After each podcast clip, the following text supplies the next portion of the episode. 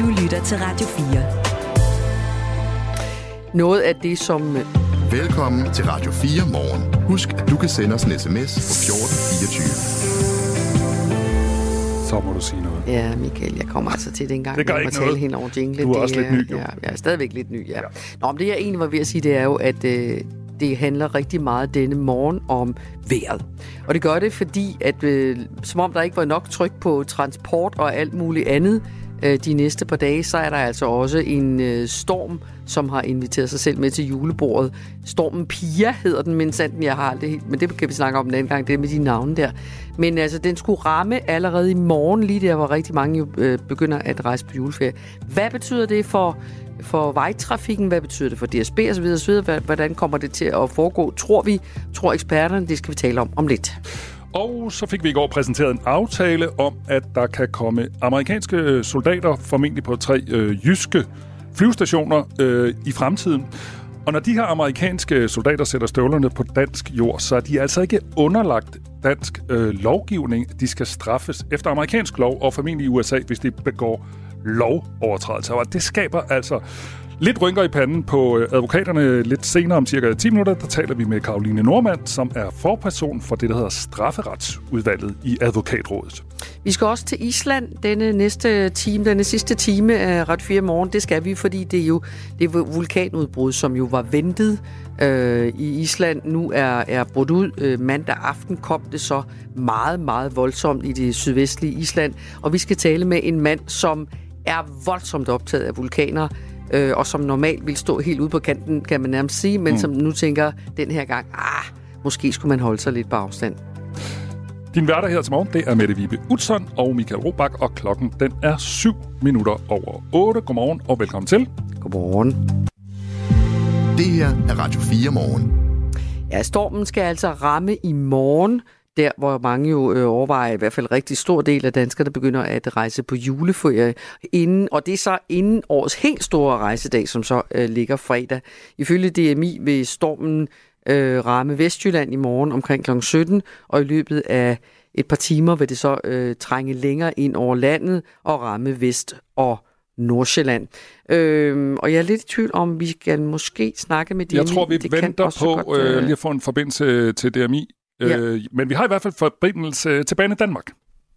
Vi har Nikolaj Schmidt øh, Sisgaard med. Øh, skal vi se, hvor han er henne. Han er her. Godmorgen, Nikolaj. Godmorgen. områdeschef ved trafikstyring i Bane Danmark. Jeg ved, I har et øh, strategimøde senere i dag, øh, men hvad kan du sige øh, allerede nu om øh, det her blæsvejr, vi kan se frem til? Ja, men ligesom jeres indledning, så er det klart, at stormen den har nu fået et navn, og den ser ud til at blive noget voldsommere end først antaget. Og det betyder jo, at vi har varslet, at vores stormberedskab bliver iværksat. Og det vil sige konkret, nu går vi jo i gang med at skulle mobilisere øh, medarbejdere med blandt andet motorsave, der kan rykke ud, hvis der skulle komme væltede træer. Øh, vi har køretøjer, der både kan køre på, på vejbanen og på togskinnerne, til eventuelt at kunne, kunne rydde, øh, hvis der skulle være træer der. Vi har også køretøjer, der kan efterse vores køreledninger osv.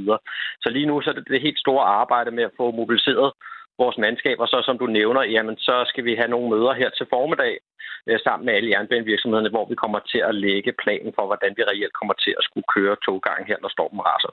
Hvad, hvad gør I normalt, Nikolaj Smidt når der, når der er en storm? Vi, vi kender jo efterhånden t- til, hvad, hvilke, som du også siger, køreledninger, der falder ned og træer, der vælter osv. Altså, hvad, hvad, hvad, hvad, hvad vil det beredskab gå ud på, regner du med?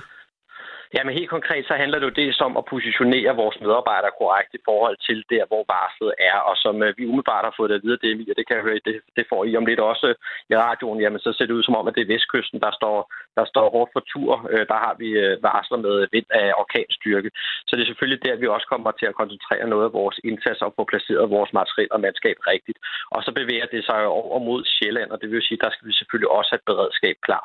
Og udover det, jamen, så skal vi jo sammen med jernbanevirksomhederne blive, øh, lægge en plan for, hvordan vi kommer til at køre toggange. Og det kan jo både betyde, at vi kommer til at køre med, med færre tog, øh, det vil sige, at vi øh, reducerer i vores køreplan, og måske nogle steder helt kommer til at indstille toggange der, hvor stormen bliver værst. Og hvad, hvad, i grunden kunne man jo tænke, skynd lidt at sætte nogle flere tog ind, så vi kan få, øh, få, få flere hjem, og, eller ud, eller hen, eller hvordan kan det være, at, at en løsning kan være at, at aflyse togafgang? Ja, det gør vi jo ud fra den betragtning af, at der er jo enormt mange træer meget tæt på de 3.500 km jernbane, øh, vi har ansvaret for. Øh, og nogle steder, der kommer vi til at sætte hastigheden ned, hvis det er meget tæt på skovområder, for eksempel. Og det er jo simpelthen, fordi der er så mange træer øh, ganske tæt på jernbanen. Øh, og i forhold til det spørgsmål, hvorfor sætter vi ikke bare flere tog ind? Jamen, jeg ved jo, at jernbanevirksomheden, det er de rigtig store rejsedage, vi, øh, vi nærmer os nu, og der er sat alt det tog ind, der overhovedet øh, kan køre i øjeblikket for at pendle rigtig mange danskere øh, hjem til jul. Men det er jo også sådan, at øh, for at sikre, at jernbanen, som er et samlet system, rent faktisk kan køre, jamen så kan det jo være, at vi i den her situation, altså for sent torsdag aften, og altså natten til fredag, kommer til at se nogle aflysninger. Heldigvis ser det ud som om, at det første efter myldretiden øh, torsdag aften, at det begynder at ramme. Men vil du, øh, vil du anbefale, at man allerede nu forsøger at finde alternative måder til at komme frem end, øh, end DSB og, og Bane Danmark? Ja, altså vi følger jo meget nøje prognoserne i øjeblikket fra DMI i forhold til også, hvordan de udvikler sig. Øh, men som det ser ud lige nu, jamen så øh, kommer vi nok til at se nogle øh, aflysninger i løbet af torsdag sen aften. Så det er klart, at hvis man har mulighed for at tage afsted en lille smule før torsdag, eller vente til fredag, så vil jeg da klart anbefale det. Tak skal du have, Nikolaj Schmidt. Du skal til strategimødet. Jeg håber, at de får lagt nogle planer, som kan afværge det værste, de værste konsekvenser. Ja, velbekomme områdeschef ved Trafikstyring i Bane Danmark altså. Øh, vi skal også tale med DMI, men øh, Michael, vi kæmper lidt med at få en forbindelse ja, til den. der er ikke rigtig nogen, der tager telefonen ud på DMI, når vi ringer til os, men øh, vi prøver selvfølgelig at få den med senere på morgenen. Klokken den er 8.11. Det her er Radio 4 morgen. Og så skal jeg lige have et nik eller et ryst på hovedet, om vi har den næste kilde klar. Det har vi, det er skønt. Når de amerikanske soldater sætter støvlerne på dansk jord, så er de ikke under dansk, altså de, så hører det ikke under dansk lovgivning selv øh, uden for tjeneste. Det har skabt stor debat herhjemme, det her blandt andet fra Trine Pertumak, udenrigsordfører for Enhedslisten og medlem af Forsvarsudvalget, øh, som vi talte med tidligere på morgenen. Folk begår kriminalitet, selvom vi i udgangspunktet regner med, at det gør folk ikke, så sker det jo. Altså det sker jo hele tiden, alle steder. Så det, det handler om, er jo, hvorfor kan vi ikke selv retsforfølge med dansk myndighed og dansk lovgivning de personer, som begår en kriminel, kriminel handling i Danmark, som får ret til at befinde sig her, ret til at have adgang til et uh, udvalgt sted i uh, at et del af danske territorium, som vi så afleverer til den her fremmede magt. Og så bør de også være underlagt dansk lovgivning. Det skaber øh, den her problemstilling, altså det her med, at de amerikanske soldater ikke kan retsforfølges i Danmark, det skaber også rynker i panden på flere advokater. Karoline Normand er forperson for strafferetsudvalget i Advokatrådet. Godmorgen. Godmorgen. Du siger til Jyllandsposten, at det her lyder lidt vildt. Hvad betyder det? Mm. Jamen altså, den del, som jeg synes lyder lidt øh, vanvittigt, det er jo, at når soldaterne har fri, så er de angiveligt stadigvæk underlagt øh, den amerikanske lovgivning. Og det er jo den, det er den problemstilling, jeg synes, der lyder sådan lidt bizarre og også helt unødvendigt. Men er det ikke sådan, øh, nu er jeg lige lidt ude på de lange ski, for jeg er ikke helt sikker på, at det er rigtigt, det jeg siger, men jeg prøver alligevel. Er det ikke også sådan, det er for diplomater, for eksempel? Jeg tør ikke svare på, om der er nogle særlige aftaler for dem, når de har fri. Det er klart, når man er udsendt af et andet land, så er man jo i princippet stadigvæk omfattet af dette lands øh, regelsæt. Det ligger i aftalen, når man har sagt ja til at blive udsendt, men man opfatter sig stadigvæk som borger i det land, man er udsendt af også når man befinder sig på fremmed jord. Men det, der er det øh, ekstraordinære her, det er jo, hvis man begår kriminalitet i sin fritid, som, hvor man jo i, i udgangspunktet er turist, ligesom alle mulige andre amerikanske turister, øh, når man går ned ad Jomfrenegade, så skal man pludselig hentes hjem til USA og retsforfølges der. Og hvorfor? Det er jo den problemstilling. Ja. Og, og hvorfor er det sådan et retssikkerhedsmæssigt problem? Jamen, det tror jeg da godt, du kan forestille dig. Hvis nu det var dig, der bliver slået ned eller en af dine børn, der bliver slået ned i Jomfru Anegade. Hvis det så er en amerikaner, hvad er så retsstillingen for dig eller dine børn? Hvor, hvor skal de afgive forklaring henne? Hvad får de i erstatning? Hvornår kommer sagen for? Øh, har de krav på en advokat? Øh, hvad koster advokaten? Øh, skal I rejse derover for at afgive forklaring? Øh, kan I bede om, at han ikke er til stede i lokalet, når han afgiver forklaring, som man kan efter dansk ret, og så videre og så videre. En hel masse spørgsmål, som man tænker, hvad gør man nu? Fordi nu skal den køre i USA. Mm. Hvem kan egentlig give svar på de her spørgsmål? For det er jo mange gode spørgsmål, du stiller. Ja, det tror jeg sådan set ikke, der er nogen, der kan, fordi den der ekstra udfordring ved det amerikanske system er jo, at hver stat har sin egen lovgivning. Så øh, hvis, hvis jeg skal vide, hvad retstilstanden vil være for dig, eller din retsstilling, hvis det var dig, der var blevet slået ned, så skulle jeg vide, hvilken stat kommer han fra, Øh, hvad er lovgivningen i, det, i, den, øh, i den pågældende stat? Øh, altså, jeg ved simpelthen ikke, det er, må være amerikanske advokater, der vil kunne svare på det. Mm. Vi taler og med... så er det jo afhængigt af den enkelte sag. Vi taler med Karoline Normand, som er forperson for det, der hedder strafferetsudvalget i advokatrådet. Øhm, mm. Hvis du nu bliver ringet op af en person, der er blevet slået ned af en amerikansk soldat i Jomfru Anugade, som du selv øh, nævner, hvad vil du så egentlig gøre? Jeg tror, jeg i første omgang vil kontakte dansk politi. Mm. og så vil jeg anmelde det, men jeg er ikke sikker på, om det så vil være den vej, det skulle gå. Altså, det vil jeg ikke engang vide. Øh, er, det, er det dem, man skal kontakte, eller vil der være en særlig enhed for det tilfælde, at de begår kriminalitet? Eller hvor, hvor skal man rette ind? Men jeg tænker, at jeg vil kontakte Dansk Politi, og så må man gå ud fra, at de kan vejlede om, hvad der så skal ske, hvis, hvis, hvis de er i stand til det. Jeg går ud fra, at advokatrådet er også øh, er sådan nogen, der prøver at påvirke politi- politiske... Er du der stadigvæk, Karoline? Du kom lige mærkeligt. Ja, det er Nå, det er godt. Ja. Jeg går ud fra, at uh, advokatrådet uh, også er sådan nogen, der prøver at påvirke politiske processer, hvis der er noget, I synes er mærkeligt. Og nu startede du faktisk med at sige, at det var vanvittigt, det her, eller det lød vanvittigt. Mm-hmm. Hvad kan I gøre? Mm-hmm. Jamen, vi kan jo i hvert fald sikre os... Altså, nu har jeg forstået, at aftalen er jo ikke forhandlet helt i hus. Øh, så jeg tænker, at der stadigvæk er nogle detaljer, der skal på plads. Så vi kan måske eventuelt sikre os, at lige præcis i forhold til det her spørgsmål om retsforfølgning i deres fritid, øh, om, om, om det virkelig skal hænge sådan sammen. Øh, fordi der er også nogle andre, altså en ting er offres retsstilling, men der er faktisk også den problemstilling, som vi har set i Tyskland angiveligt, øh, at hvis, hvis man risikerer dødsstraf i sit hjemland, vil vi acceptere det, øh, at man sender folk retur til USA at få dødsstraf øh, for noget, man ikke... Altså, vi har jo ikke dødsstraf i Danmark. Øh, vi, altså, så, så man kan sige, der er flere ting, jeg tænker, at vi kan have en interesse i, i fællesskab og, og, og få drøftet med dem, der øh, sidder og forhandler aftalen.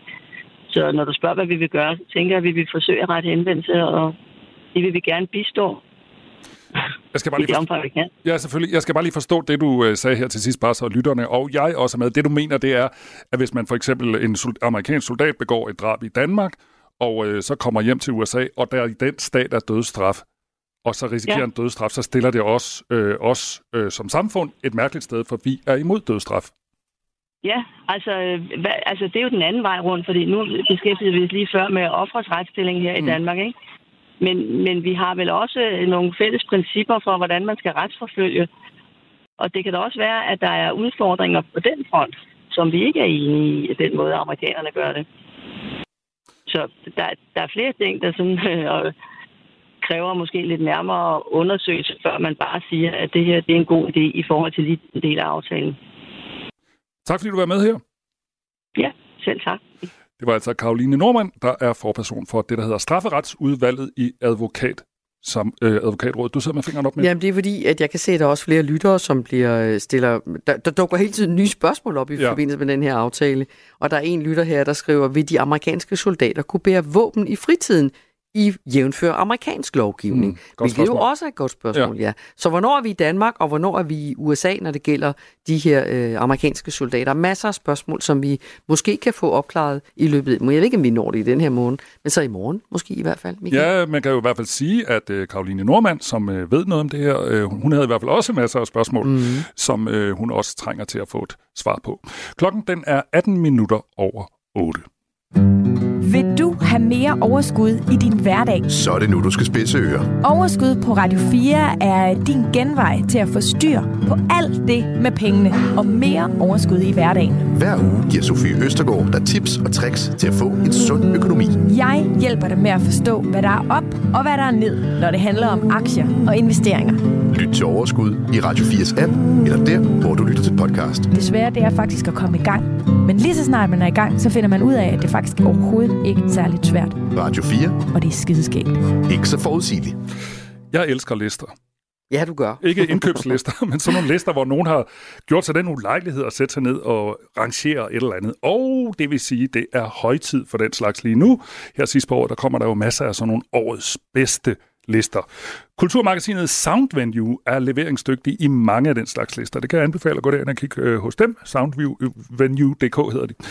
Øh, og de har også lige kåret de bedste danske tv-serier i år. Og det er jo også et tip til øh, folk, hvis man øh, har god tid i juleferien. Vi skal lidt på arbejde også to, mm. men øh, det kan godt være, at man kan få tid til at ligge lidt på sofaen og se en tv-serie. Så lad os lige tage top 5 af de bedste øh, danske tv-serier, i hvert fald ifølge Sound Venues anmelder. Nummer 5, det er Carmen Køllers sæson 2 øh, serien fra DR om erhvervseventyret Carmen Køllers. Og så nummer 4, det er ikke et ord, en serie, der er lavet af UC, og den handler om et mor på en ung mand i den lille provinsby Vesterløv. Nummer 3, Killjoy. Den handler om en ung kvindes mangel på orgasmer. Det er også en øh, TV2-serie. Og nummer to, det er Huset. Det er sådan en ret hårde fængselsserie, øh, og Soundvenue skriver, at huset skal have point for at skabe en mørk, rå og illusionsløs serie, der er langt fra læflet for det brede publikum. Så er vi nået til nummer et. Er du klar? Yep. Årets bedste serie ifølge Sound Venue. Kom her.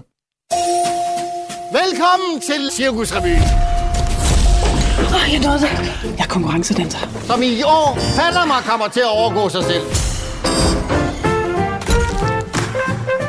Først lignede du et spørgsmålstegn med det, Vibe mm. Utzon, så nikkede du. kan du godt være der? Nå, sagde jeg så. Kan du huske, hvad den hedder? Nej, Nej. Den hedder Dansegarderoben. det er det, den Ja, og det er altså også en TV2-serie, som handler om øh, Cirkusrevyens dansepiger i 1970'erne. Og da den øh, fik premiere, den her serie, så gav Sound Venue den seks stjerner, og serien er skabt af skuespillere og nu også instruktører og manuskriptforfatter Ditte Hansen og Louise Miritz. Og Sound Venue skriver, med Dansegarderoben viste Louise Miritz og Ditte Hansen et nyt gear i deres evner som serieskabere uden for det egen satiriske Ditte og Louise-univers. Og resultatet byggede en bro mellem fortid, nutid og fremtid, der var lige så vel eksekveret, som den var medrivende. Altså årets bedste danske tv-serie, Dansegarderoben. Tillykke til dem. Tillykke. Det her er Radio 4 morgen. Mandag aften, der skete der jo det, som øh, man i Island har gået og ventet på, vil ske i en eller anden øh, form af façon. Vulkanudbruddet ved halvøen øh, Reykjanes i det sydvestlige Is, øh, Island øh, gik i gang, kan man sige. Eller jeg ved ikke, hvornår sådan noget teknisk set øh, gik i gang, men det, det var i hvert fald der, det for alvor brød ud. Og det blev så voldsomt, at Islands politi nu beder folk om at holde sig væk fra det her Reykjanes-område, skriver Ritzau også. Og den mand, I skal møde nu, normalt vil han være svær at få fat i. Han ville drøne rundt op på kanten af de der glødende vulkaner og forsøge at lade være med at brænde fingrene, og så vil han allerhelst være aller, aller, aller tættest på de her udbrud. Og du er der også øh, det, man kan kalde en vulkanjæger. Godmorgen, Mohammed Emin Gisilkakker. Godmorgen. Nu regner du ikke rundt deroppe, håber jeg, fordi det er jo sindssygt farligt, når politiet siger, at det skal du helst holde dig fra. Så hvor er du i grunden nu? Jeg befinder mig faktisk i Reykjavik lige nu, i hovedstadsområdet. Og hvorfor gør du så det? Øhm, jamen, det er fordi, altså normalt øh, under alle omstændigheder, så øh, hvis, når man taler om risikofaktorer, så er det sådan mere øh, et, et, et, et risiko mod dig selv, når det er, at du tager op øh, og ser på de her vulkaner. Øh, og jeg er jo en stormchaser, så jeg spiller altid på de her risikofaktorer. Øh, men nu handler det simpelthen om, at det er andre mennesker, som kan, hvad kan man sige, som kan tage skade af, at du tager op til vulkanen. Fordi lige nu, så skal myndighederne have alt den plads, de har brug for, og, og det skal man respektere. Så jeg, jeg vil ikke udsætte andre mennesker på fare. Så du jeg kan- kan sagtens... Du kan jo komme til at gå i vejen Ja. simpelthen. Absolut, absolut. Fordi at det her udbrud, det, det er jo forekommet ikke langt væk fra den by, der hedder Glindervik. Og så er der også en, en del andre infrastruktur omkring der, hvor udbruddet er foregået, blandt andet Blue Lagoon og Svartsengeområdet. Og Svartsengeområdet, det er der, hvor det er, at vi får vores varme vand. Øhm, så øh, jeg, jeg, jeg glemmer aldrig der, hvor på det tidspunkt, hvor vulkanen udbrød omkring mandag, tæt på mandag midnat, Øhm, og der valgte, øh, altså, det var, det var, det var jo øh, en virkelig anspændt situation, og politiet var hurtige om at evakuere et, et rigtig stort område, så folk ikke kom ind og, og forsøgte at komme tæt på vulkanen. Altså, det er jo det, er jo det er simpelthen fordi, altså, grunden til, at jeg ikke tager derhen, det er, at jeg vil ikke udsætte andre mennesker for fare. Men, men, men du jagter det så på, på behørig afstand, men, men hvor, hvor vildt er det øh, vulkanudbrud i Island den her gang? Det er jo, det er jo, det er jo øh, en del større end de forrige udbrud. Uh, vi taler om, øh, altså i starten var der øh, styret op øh, med, med en mængde tilsvarende til 100-200 kubik meter per sekund, og det er jo øh, 100.000-200.000 liter per sekund. Øhm, og, og det var en sprække, der havde åbnet sig øhm, med en længde på omkring 4 km. Øhm, så det var jo... Øh, man havde jo ventet en, et vulkanudbrud på et eller andet tidspunkt, men, men, men man man, jeg må godt nok sige, at det kom bag på alle, at det skete så hurtigt. Det startede med en lille rystelse, et lille jordskæld, som vi kunne føle her i hovedstadsområdet også. Og så åbnede jorden sig op, og så gik det hele udbrud. Og hvordan kan det være, altså hvordan kan det være, at det er lige præcis, jeg kan godt forstå, at det må se, jeg har jo set billederne, det ser jo fantastisk flot ud, men hvad er det ved det øh, for dig, som er så fascinerende ved det, der sker?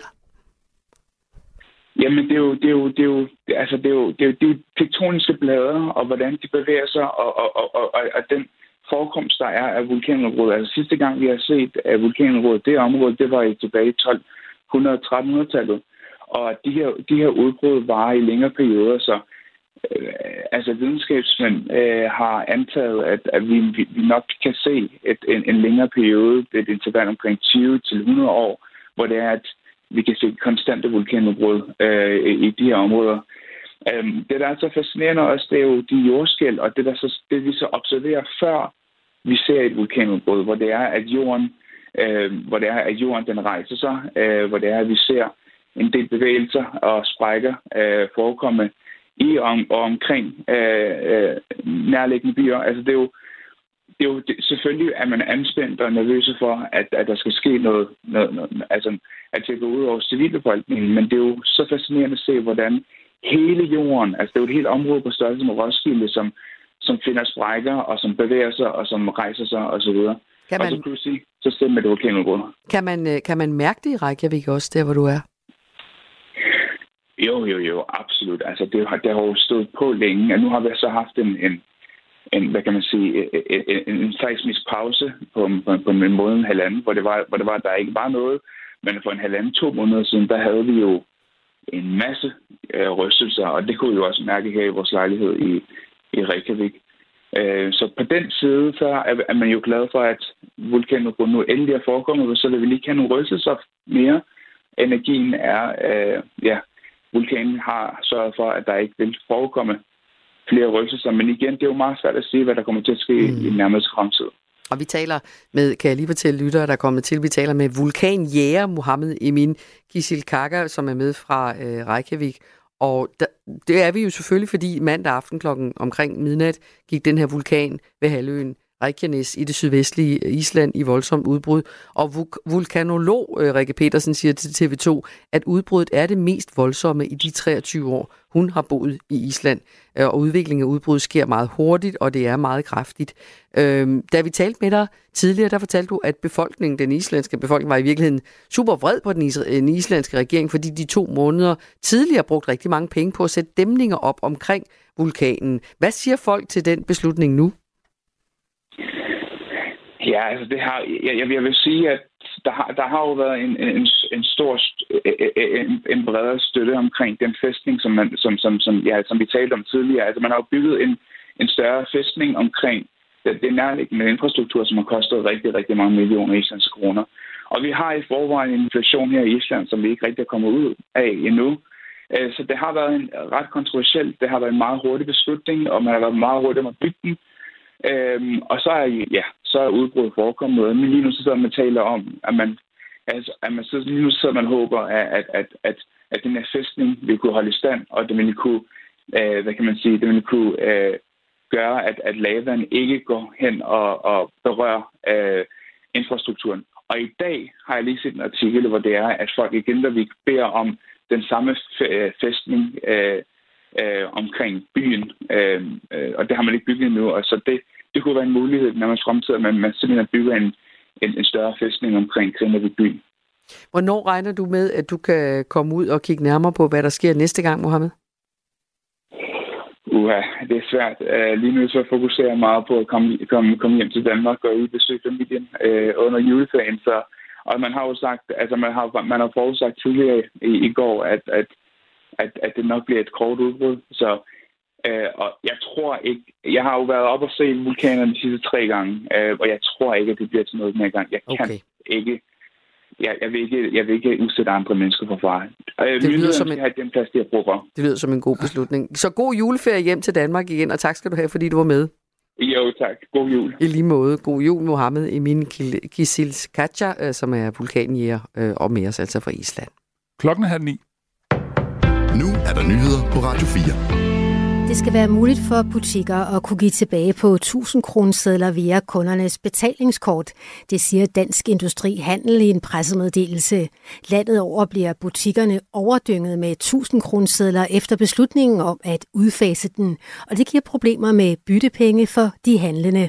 Et af argumenterne for at udfase 1000 kronesedlen er, at den bruges i forbindelse med hvidvask af penge, men DI påpeger, at butikkerne ikke stiller spørgsmål til kundernes betaling med 1000 kronesedler, sådan som bankerne kan gøre det i arbejdet med at forebygge og afsløre hvidvask. Generelt er DI tilhænger af en lempelse af kontantreglen, så det bliver valgfrit at sige nej tak til kontanter, blandt andet for hoteller, restauranter, caféer, spillesteder og forlystelsesparker. Julen er over os, men i den by, hvor Jesusbarnet ifølge Bibelen blev født, er der ingen markering af julen i år. På grund af krigen mellem Israel og Hamas har de lokale myndigheder og kirker valgt at aflyse markeringen af Jesus fødsel, altså julen. Det fortæller Emil Jørgensen, freelance journalist i Bethlehem, til Radio 4. Det er der både en praktisk og en principiel årsag til. Rent praktisk, så er her ikke nogen turister. Og i den her by, der svarer det til at trække stikket. Bethlehem er gået i stå, og sådan har det været siden den 7. oktober, da Hamas angreb Israel. Der er også en principiel årsag til, at markeringen af Jesus fødsel er droppet i Bethlehem i år. Set fra prædikestolen her i byen, så foregår der et folkemord mindre end 100 km herfra i Gaza. Og derfor mener kirkerne ikke, at det er passende at fejre julen i år. Så de har droppet pynten, de har droppet festerne, men de har beholdt bønden, som de siger. Og bønden i år, det er, at de ønsker sig våbenhvile til jul siger altså freelance-journalist Emil Jørgensen fra Bethlehem. FN's Sikkerhedsråd har udskudt afstemningen om en resolution, der opfordrer til våbenhvile og humanitær hjælp til de civile i Gaza. Det skriver nyhedsbyrået Reuters. De 15 lande i Sikkerhedsrådet skulle have stemt mandag. Nu bliver det altså først i dag. Reuters skriver, at forsinkelsen skyldes, at man vil undgå, at USA nedlægger veto mod resolutionen. Sikkerhedsrådet har tidligere stemt om en omgående våbenhvile. Begge gange har USA nedlagt veto, blandt andet fordi de mener, at en våbenhvile kun vil gavne Hamas. USA støtter i stedet pauser i kampene for at beskytte civile, en fordømmelse af Hamas' angreb og et krav om løsladelse af alle gisler. Indkomsten i den danske landbrugssektor faldt kraftigt i 2023. Det viser rapporten Landbrugets økonomi 2023. Den animalske produktion, altså kød og mælk, har dog haft et godt år. Det skyldes gode priser og lave foderomkostninger. Nedgangen skyldes primært planteavlslandbruget og blandt deltidslandmænd.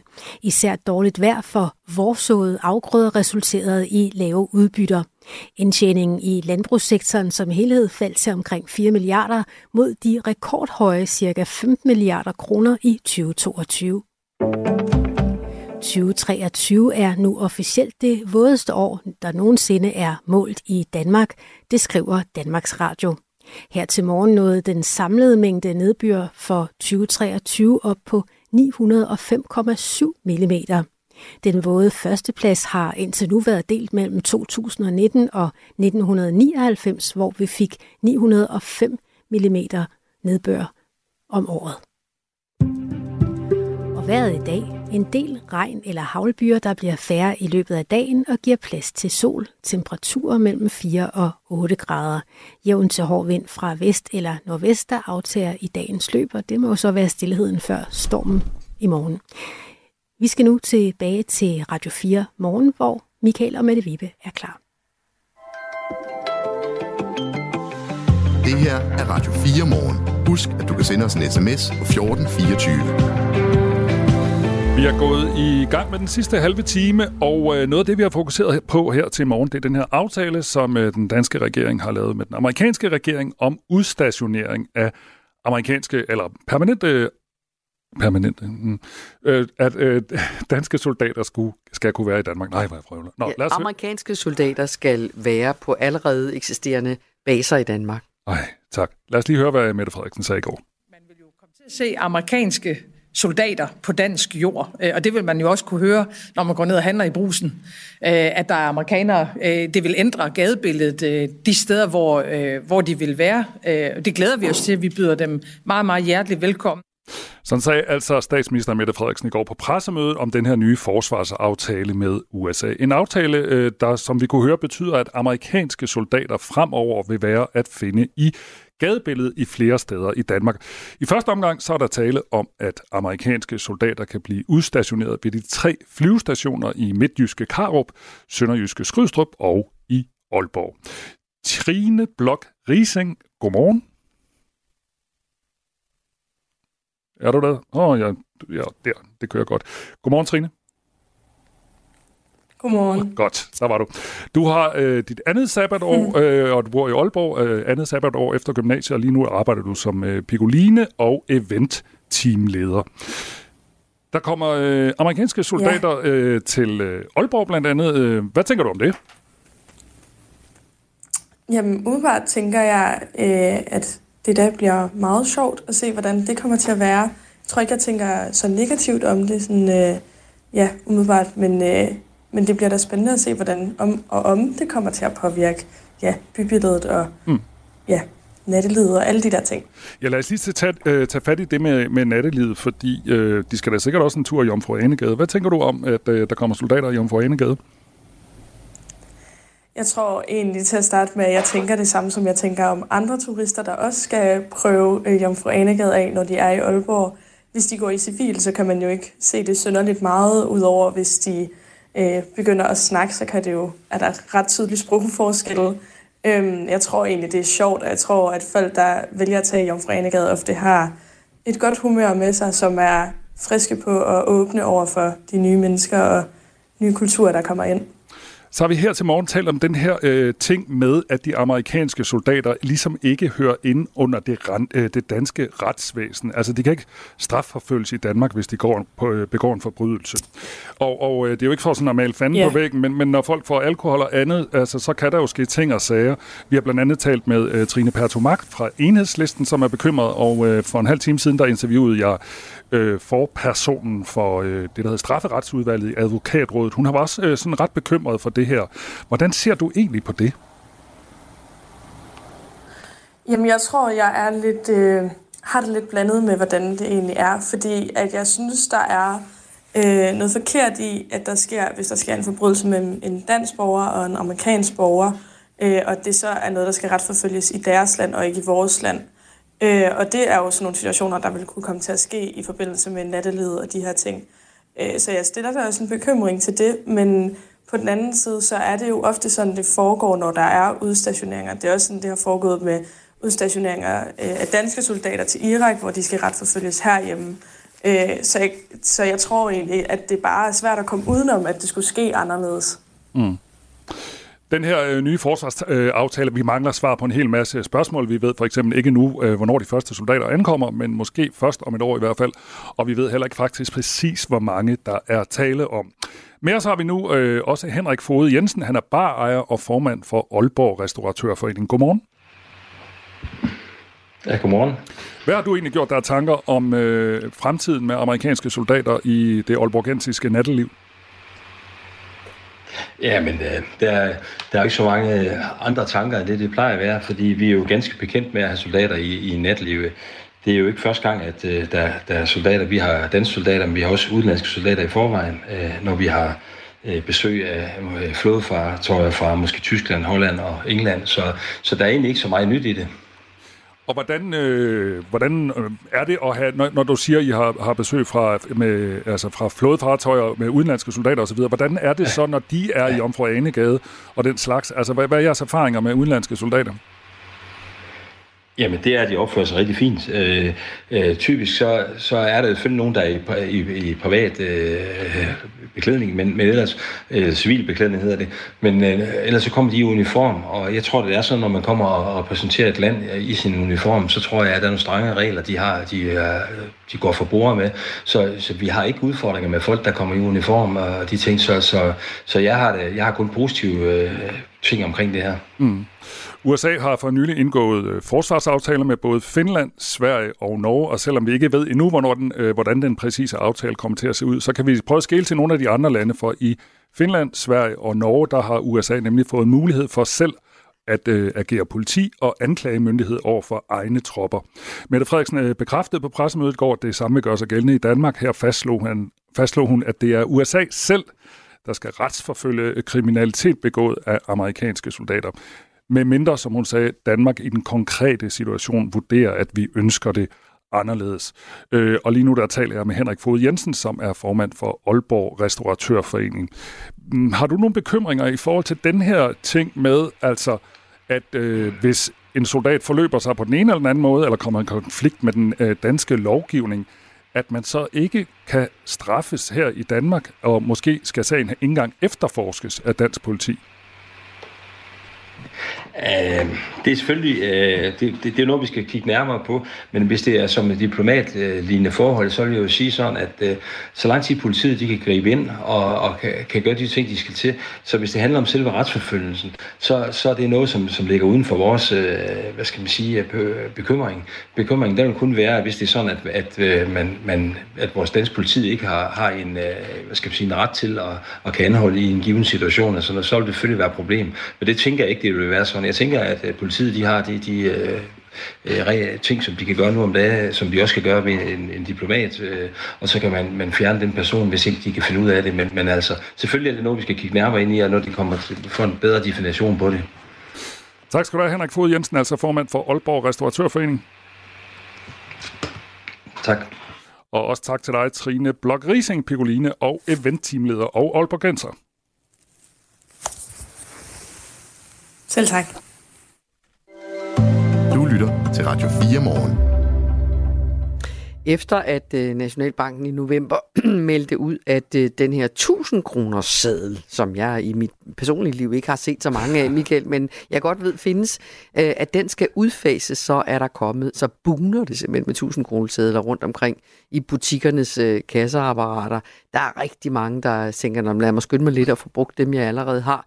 Øhm, og det er ikke altid så nemt at være, øh, at være butik øh, i sådan en situation, fordi kan man overhovedet give tilbage? Vi er jo ikke vant til at bruge så mange øh, kontanter heller. Øh, og det kan godt blive et problem, mener øh, også brancheorganisationen DI Handel. Godmorgen og velkommen, Jakob Kelsen. Godmorgen ja. branchedirektør i netop DI Hansel, øh, Handel. Undskyld. Hvor, hvor stort et problem er det i grunden efter Nationalbankens udmelding? Altså, det er svært at gøre det helt op, øh, klart op, men der er jo omkring 22 milliarder kroner i omløb af 1000 kroner Så noget skal der jo ind, og det er helt tydeligt, at i hvert fald butikkerne derude kan mærke, at, øh, at der kommer væsentligt flere 1000 kroner lige ja, ja, hvor mange af dem lander i gasseapparaterne vil du skyde på? Slag på testen? Det, det er svært at sige, øh, fordi der er jo ikke, vi, har aldrig, vi har jo ikke gjort sådan en udfasning af en tidligere, så vi har jo ikke en, en sådan en, en clear-cut case, vi tilbage til. Så, så det, vi gætter lige så godt som dit, men der kommer i hvert fald en, en del ind. Og, det, og betyder det så, at, at jeres medlemmer kontakter simpelthen jer og siger, kan I ikke, I må råbe nogen op, hvad skal vi gøre ved det her? Jamen det, de i hvert fald siger til os, det er, øh, at, at det er en udfordring i forhold til byttepenge. Og så skal man lige huske på, at vi i Danmark har det, der hedder en kontantpligt. Og det vil sige, at øh, virksomhederne kan, eller butikkerne kan ikke bare sige, at vi vil ikke have den der 1000 kroner øh, Så risikerer de at få bøder af forbrugerombudsmanden. Og det vil sige, at øh, selvom det er rart, at der kommer nogen og gerne vil købe nogle varer, så er det klart, at hvis du sælger varer, det kunne være, hvis du var en tankstation og solgte en kop kaffe til 40 kroner, og der så kom rigtig mange tusind kroner ud, for du skulle give 960 kroner tilbage hver gang, så skal du altså have rigtig, rigtig mange penge, øh, byttepenge øh, på lager. Og det både koster noget, men det er selvfølgelig også en udfordring bare at have nok. Og det er det, som, øh, som nogle af vores medlemmer i hvert fald har sagt til os, at, øh, at det vil være en udfordring. Og det var faktisk også noget, vi allerede gjorde opmærksom på dengang, at uh, Nationalbank gik ud med det her. At vi synes sådan set, det er en god idé at udfase den her 1000 men øh, det var i hvert fald ret vigtigt, at vi holdt meget øje med, hvilke udfordringer det så gav, når nu ikke vi har så mange erfaringer med det fra tidligere. Ja, altså så, så, sådan som Nationalbanken har, har meldt ud, så har de jo altså besluttet sig for at udfase 1000 kronesedlen, mm. og det er altså efter den 31. maj 2025, at man ikke længere vil kunne bruge den som gyldigt betalingsmiddel i Danmark. Og bankerne siger så, at de står klar til at hjælpe med udskiftning af de her mange kontanter, men der er jo en rumtid til, og der er også nogle banker, som godt gider hjælpe. Så hvordan kan man forklare, at det bliver jeres problem, eller jeres medlemmers problem? Det er jo øh, blandt andet fordi, at øh, bankerne er jo omfattet af en, af en lovgivning i forhold til hvidvask. Det vil sige, at øh, hvis du og jeg kommer ind med en relativt stor mængde 1000 som vi selvfølgelig har betalt skat af, så skal vi fortælle, at det har vi betalt skat af. Øh, men der findes måske nogle sædler derude, som ikke tåler dagens lys. Og, øh, og hvis der er nogle folk, der sidder med den slags sædler, ja, så er det jo nærliggende, at de øh, går til butikkerne for at, at få dem brugt, og på den måde øh, få dem omsat til nogle andre sædler. Så derfor så, så giver det en udfordring, øh, fordi øh, butikkerne af gode grunde er ikke omfattet, og det skal de kunne slå heller ikke øh, i forhold til de her hvidvandsregler. Men der kommer altså så bare nogen, som synes, at det er lidt øh, mere nemmere at aflevere det ved at gå ned og købe en kop kaffe, og så få 970 kroner tilbage, i stedet for øh, at skulle i banken og prøve at forklare, hvor pengene kommer fra. Og hvad, hvad vil du sige, Jakob Kelsen, branchedirektør i DI-handel? Hvad er løsningen? Hvad vil kunne afhjælpe dine medlemmers problemer? Ja, men det, de har sådan set konkret sådan to forslag ude, som, øh, som vi synes i hvert fald, øh, man skulle øh, overveje. Jamen et, det var, at hvis butikkerne tog, ligesom blev udsat for rigtig mange tusind kroner, ja, så skulle de måske på et tidspunkt få lov til at sige, vi kan altså ikke give dig flere bytpenge til det her, uden at de blev risikeret at få bøder fra forbrugerombudsmanden. Det var sådan set et forslag. Men et andet forslag, som, som vi jo synes kunne være i hvert fald også interessant at dykke ned i, det er jo noget, vi alle sammen i en eller anden udstrækning kender, ja, det er, at når vi har købt et eller andet, og så skal bytte det, ja, så får vi sat pengene ind på vores betalingskort. Øh, således at øh, det er muligt for, for, for butikkerne at sige, ja okay, du har måske øh, købt, det kan være et køb under 200 kroner, jamen så får du altså ikke 800 kroner igen, for det har jeg ikke i kassen, men du får det sat ind på dit øh, dankort eller dit øh, betalingskort. Så på den måde kunne vi hjælpe den der øh, store behov for, for store mængder byttepenge. Øh, det vil i hvert fald være et forslag, vi synes, man skulle kigge ind i. Og er der, er der noget, der tyder på, at det vil blive hørt, tror du? Ja, nu er, det, nu er det noget, vi øh, startede med at tale om i går, mm. så, så vi håber på, at, øh, at bankerne og myndighederne de, de lytter med til det. Øhm, så vi, vi synes i hvert fald, at her har vi en ting, og så kan man sige, at der er jo så en bonus til det her, at, øh, hvis de sædler, øh, 1000 som kommer ud i virksomhederne, de, øh, de har en, øh, en mere broet, hvad skal man sige, baggrund, ja, så, så får man jo mulighed for, at hvis der kommer rigtig mange sådan beløb af 800 kroner eller 850 kroner ind på en konto på et betalingskort, ja, så har man jo faktisk muligheden for det i bankerne og, og, og håndhæve hvidvaskreglerne den vej rundt. Så vi synes faktisk, det er en dobbelt god idé. Men, øh, men det, det er i hvert fald noget, vi synes, man skal, man skal kigge ind i. Vi får se, om der bliver lyttet til jer. Tak skal du have, fordi du var med, Jacob Gelsen. Selv tak. Selv tak. God dag. I lige måde. Branchedirektør i DI Handel lytter til Radio 4. De to Labrador-hundevalpe Luna og Carlo er blevet smidt i fængsel. Men det er ikke, fordi de har begået noget kriminelt. Nej, de er en del af Kriminalforsorgens øh, ordning, hvor indsatte optræner valpe til at være servicehunde. Projektet det startede i 2019 i Søby, Søby Søgaard fængsel, og nu udvides projektet til endnu et fængsel. Annette Lysgaard er enhedschef i Søby Søgaard fængsel. Godmorgen. Godmorgen. Hjælp os lige, hvad går det her projekt ud på? Jamen, øh, jamen, det går ud på, altså dengang, da vi startede tilbage i 2019, der havde vi en idé om, vi ville afprøve den resocialiserende virkning. Øh, ligesom at vi ville se, om det kunne smitte af på kulturen, og så også, at det havde en betydning for, at, at øh, den indsatte har mulighed for at give noget tilbage til samfundet. Og det har så vist sig, at øh, det er i hvert fald noget af det, som de tale, i tale sætter tit, at, øh, at de har muligheden for at give noget tilbage til samfundet ved at træne de der valpe der. Som skal være servicehunde. Det forstår man jo godt, men så siger du også, om det kan hjælpe på kulturen. Har det så også gjort det? Jamen, det har i høj grad smittet af på kulturen. Øhm, altså, det er jo svært at, at være negativ, når man har en, en lille valg brændende mm. inde i fængslet, inde på en afdeling. Så det betyder noget øhm, for, for både den indsatte, som har hunden, men også den resterende del af afdelingen. Hvad er det for nogle indsatte, I har på Søby Søgaard? Jamen, det er jo øh, der, hvor, der, hvor vi træner hundene, det er på den lukkede afdeling, så det er jo indsatte med domme fra, fra få år op til, øh, til lange domme også. Vi har lige fået et par billeder af Luna og Carlo. Mette, hvad synes du om det? Ja, men det er jo slet ikke det. Jeg kan sagtens se, hvad du siger. Altså, det er jo, man kan jo ikke stå og være, være, være stor og farlig, hvis man, øh, hvis man samtidig skal klappe sådan nogle små. Den ene er sort, den anden er beige. Ja. Labradorvalpe, de er meget, meget søde.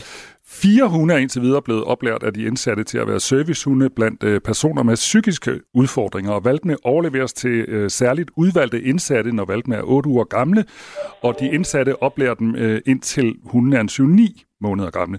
De indsatte står i samarbejde, eller er i samarbejde med instruktører for grundtræning af hundene, og hvorefter instruktørerne færdiggør træningen og sikrer, at hundene er klar til at udføre den her opgave som servicehund hos øh, personer med psykiske udfordringer. Og de indsatte i øh, Søby Søgaard Fængsel har bygget en agility-bane til den praktiske del øh, af undervisningen af valpene i fængslet. Det lyder fuldstændig fantastisk, det hele, Annette Lysgaard, men alligevel så er jeg sikker på, at der er også, sikkert også nogen, der tænker, at når folk er i fængsel, så skal de altså sidde i fængsel på vand og brød. De skal altså ikke have nogle øh, hyggelige hundevalpe at kæle med. Øh, nej, og det kan man jo selvfølgelig sige, men altså, vi har jo selvfølgelig stor fokus på øh, sikkerhed, og vi overholder de gældende regler osv., men det, som vi lægger meget vægt på, det er, at vi arbejder med, øh, at de får mulighed for at udvikle deres samarbejdsevner, at de får en større ansvarsfølelse og kan udvikle empati, og så også det der med, at de faktisk øh, træner valpene øh, og har mulighed for at give noget tilbage til samfundet. Og jeg tænker, at de, der har valp eller kend, øh, har prøvet at have valp, ved også, at det er hårdt arbejde. Det er et stort noget, arbejde, ja. Nej, ja. det er rigtigt. Lige præcis. Ja. ja. Men, men, så, men... Så, så det er jo ikke fordi, at... Øh, men, men det er jo en del af den resocialiserende måde, vi arbejder på også. Så det gavner både hunde og mennesker. Men Annette Lysgaard, jeg kan ikke være med at tænke på, hvad skal de kunne, de der servicehunde? Fordi alene det der med at få en hund til at komme, når man kalder på den, med, eller sit, eller rulle rundt, eller hvad det nu kan være. Hvad skal de her servicehunde kunne som mere end almindelige hyggehunde, hvis man kan sige det sådan? Jamen, de skal jo ud til en borger med enten PTSD, eller angst, eller en anden øh, psykisk lidelse, og, og man kan sige, at nogen er udfordret med at, øh, at gå i et supermarked for eksempel, øh, hvor de kan være udfordret af, at der er mennesker bagved den. Så træner den indsatte, at øh, valpen øh, placerer sig bagved dem, når de står stille. Så der er forskellige ting, som de træner, som de prøver at målrette der, hvor, øh, der, hvor hunden skal hen, altså til den borger, den skal hen til. Har der været rift øh, blandt jeres øh, indsatte om at få den her chance med at oplære øh, valpe? Jamen, der er jo en søgning på det, men altså, det har fundet et godt leje. Med, så fordi at hunden smitter jo af på alle, som den, altså når den bor inde på en afdeling, så, øh, så er den jo tæt på alle indsatte, selvom det selvfølgelig er den indsat, der har hunden, der, der målretter træningen og har den største kontakt med den. Og så startede jeg med at sige, at nu skal det her projekt udvides til endnu et fængsel. Er det noget, man kunne forestille sig, som sådan kommer til at blive udbredt til alle fængsler, for eksempel? Vil det kunne lade sig gøre? Men det tænker jeg, altså det er, jo, det er jo et meget positivt projekt, og nu har vi siden 2019 haft øh, cirka 40 valpe igennem øh, på Søby Søgaard. Øh, under Søby Søgaard, der, altså vi har institution Midtfyn, øh, hvor udslusningsfængsel Kværndrup også er en del af det. Og der har vi også lige haft en hund, øh, hvor en indsat derude har haft øh, mulighed for at, at træne en hund, og han var faktisk så dygtig, at den hund kom direkte ud til den borger, øh, som, som skulle have hunden. Fordi normalt har vi den jo indtil de er 8-9 måneder, øh, så kommer de tilbage til Servicehundeakademiet eller Team Servicehunden, som så målretter træningen yderligere. Så ja, så jeg kunne da sagtens forestille mig, at det kunne blive udbredt. Men, men det kræver jo også noget, noget arbejde i det, og også øh, øh, ja, en, meget, en stor træning fra de indsatte også. Annette Lysgaard, må jeg ikke spørge dig, hvem fik dog den geniale idé at pare indsatte i fængsler med hundevalpe? Jamen, det er jo med inspiration fra, fra andre lande, at vi har gjort det her. Øh, og det var faktisk oprindeligt Team Service der rettede henvendelse til Kriminalforsorgen og havde ideen om, at, øh, at vi skulle indgå et samarbejde. Og det kunne vi selvfølgelig ikke øh, sige nej til. Tak skal du have, Annette Lysgaard. Selv tak. Ha' en god dag. Og Annette Lysgaard er altså enhedschef i Søby Søgaard fængsel. Det her er Radio 4 morgen. Og inden vi runder denne morgen af, øh, Michael, så skal vi også lige en tur forbi vejret. Vi har allerede snakket med Ban Danmark om, hvordan den her øh, Storm Pia, hvordan hun kommer til at påvirke juletrafikken. Vi skal også lige have en melding fra jer, Erik Hansen. Godmorgen og velkommen, vagthavende meteorolog ved DMI. Godmorgen. Hvad kommer der til at ske? Hvad kan du sige om, hvad der kommer til at ske? Jamen, øh, i øjeblikket, der øh, har vi det her lavtryk, der er ved at udvikle sig og ligger over Island. Øh, det udvikler sig så til en øh, storm, som vi har navngivet Pia, og øh, det skal passere nord om landet i morgen torsdag. Mm-hmm. Øh, I den forbindelse, der får vi så en masse vind og en masse vand. Øh, først så begynder det at regne øh, i morgen tidlig, og det er sådan et øh, forholdsvis massivt øh, regnvejr, øh, der skal igennem. Og øh, der er det jo så allerede blæst op til kuling. Men ellers så kommer vinden sådan i løbet af øh, torsdag øh, aften, øh, først ved vestkysten i Jylland, hvor den øh, forventes at kulminere med fuld storm og venstre orkanstyrke. Og så breder det sig jo ellers ind over øh, resten af landet i, i løbet af torsdag aften og natten til fredag. Øh, hvor vi på udsatte steder faktisk kan få det her øh, storm i middelvind og venstre orkanstyrke. Det er sådan forholdsvis usædvanligt, at vi kan få det over et større område i landet. Okay. Så vi har øh, varslet øh, øh, på øh, alle de øh, kyststrækninger, der ligger udsat, øh, de her venstre orkanstyrker, og så flere andre steder, der har vi øh, stormende cooling med vindstød af stormstyrke. Så det er jo sådan et, et, et, et forholdsvis kraftigt vindvarsel, vi er ude. Og er det, er, det, er det, som det ofte er, kysterne, der er mest udsatte, eller vil du også sige, at man skal være opmærksom? Nu sagde du før, at det bliver ja, landstækkende. Men, ja.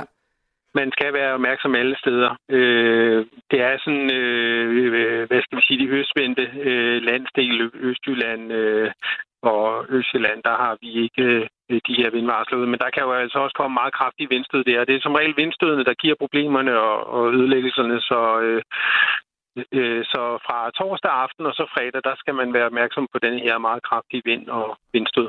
Nu er en storm jo ikke, det storm Pia er jo ikke det samme som en stormflod, vel, som hervede jo særligt den sydøstlige Nej. del af Danmark.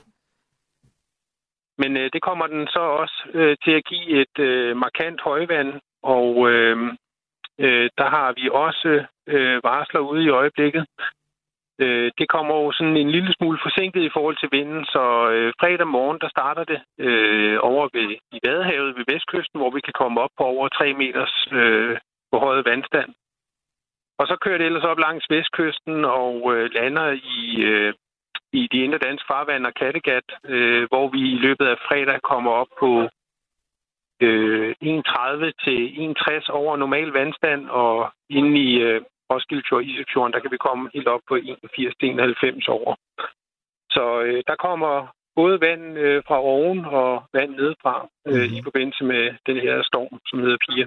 Og, og, og hvor mange områder vil du sige, jeg, t- jeg tænker på de stakkels mennesker, som lige har været igennem det her en gang, ikke? Øh, og som lige har fået tørret de ja. sidste vandpytter op, havde jeg sagt. Altså er det de samme områder og huse, som er i farezonen igen? Nej, Nej. Det er det ikke. Det her det er en, øh, en, øh, en storm, der passerer nord om landet, så det er vestlig vind. Så det er primært vestkysten, og så er det øh, øh, Kattegat-kysterne. Så øh, sidste gang, der var det jo øh, det mest dem, der lå ud til Østersøen, og, og de ser ikke ud som om, at de bliver ramt i den her omgang. Okay.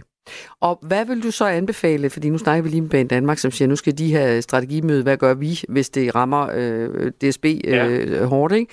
Hvad skal man, skal man holde sig indendør? Skal man se at komme afsted på den juleferie? Hvad, hvad skal man forberede sig på, vil du sige?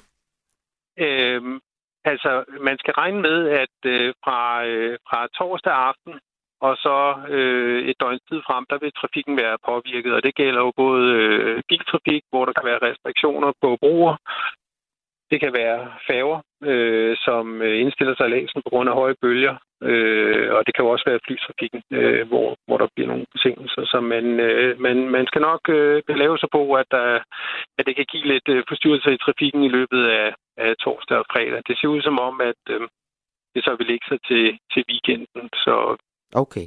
Og hvordan bliver Hvis man planlægger at tage sent afsted, så går det måske. Ja, ja. Og, og hvordan bliver det juleaften?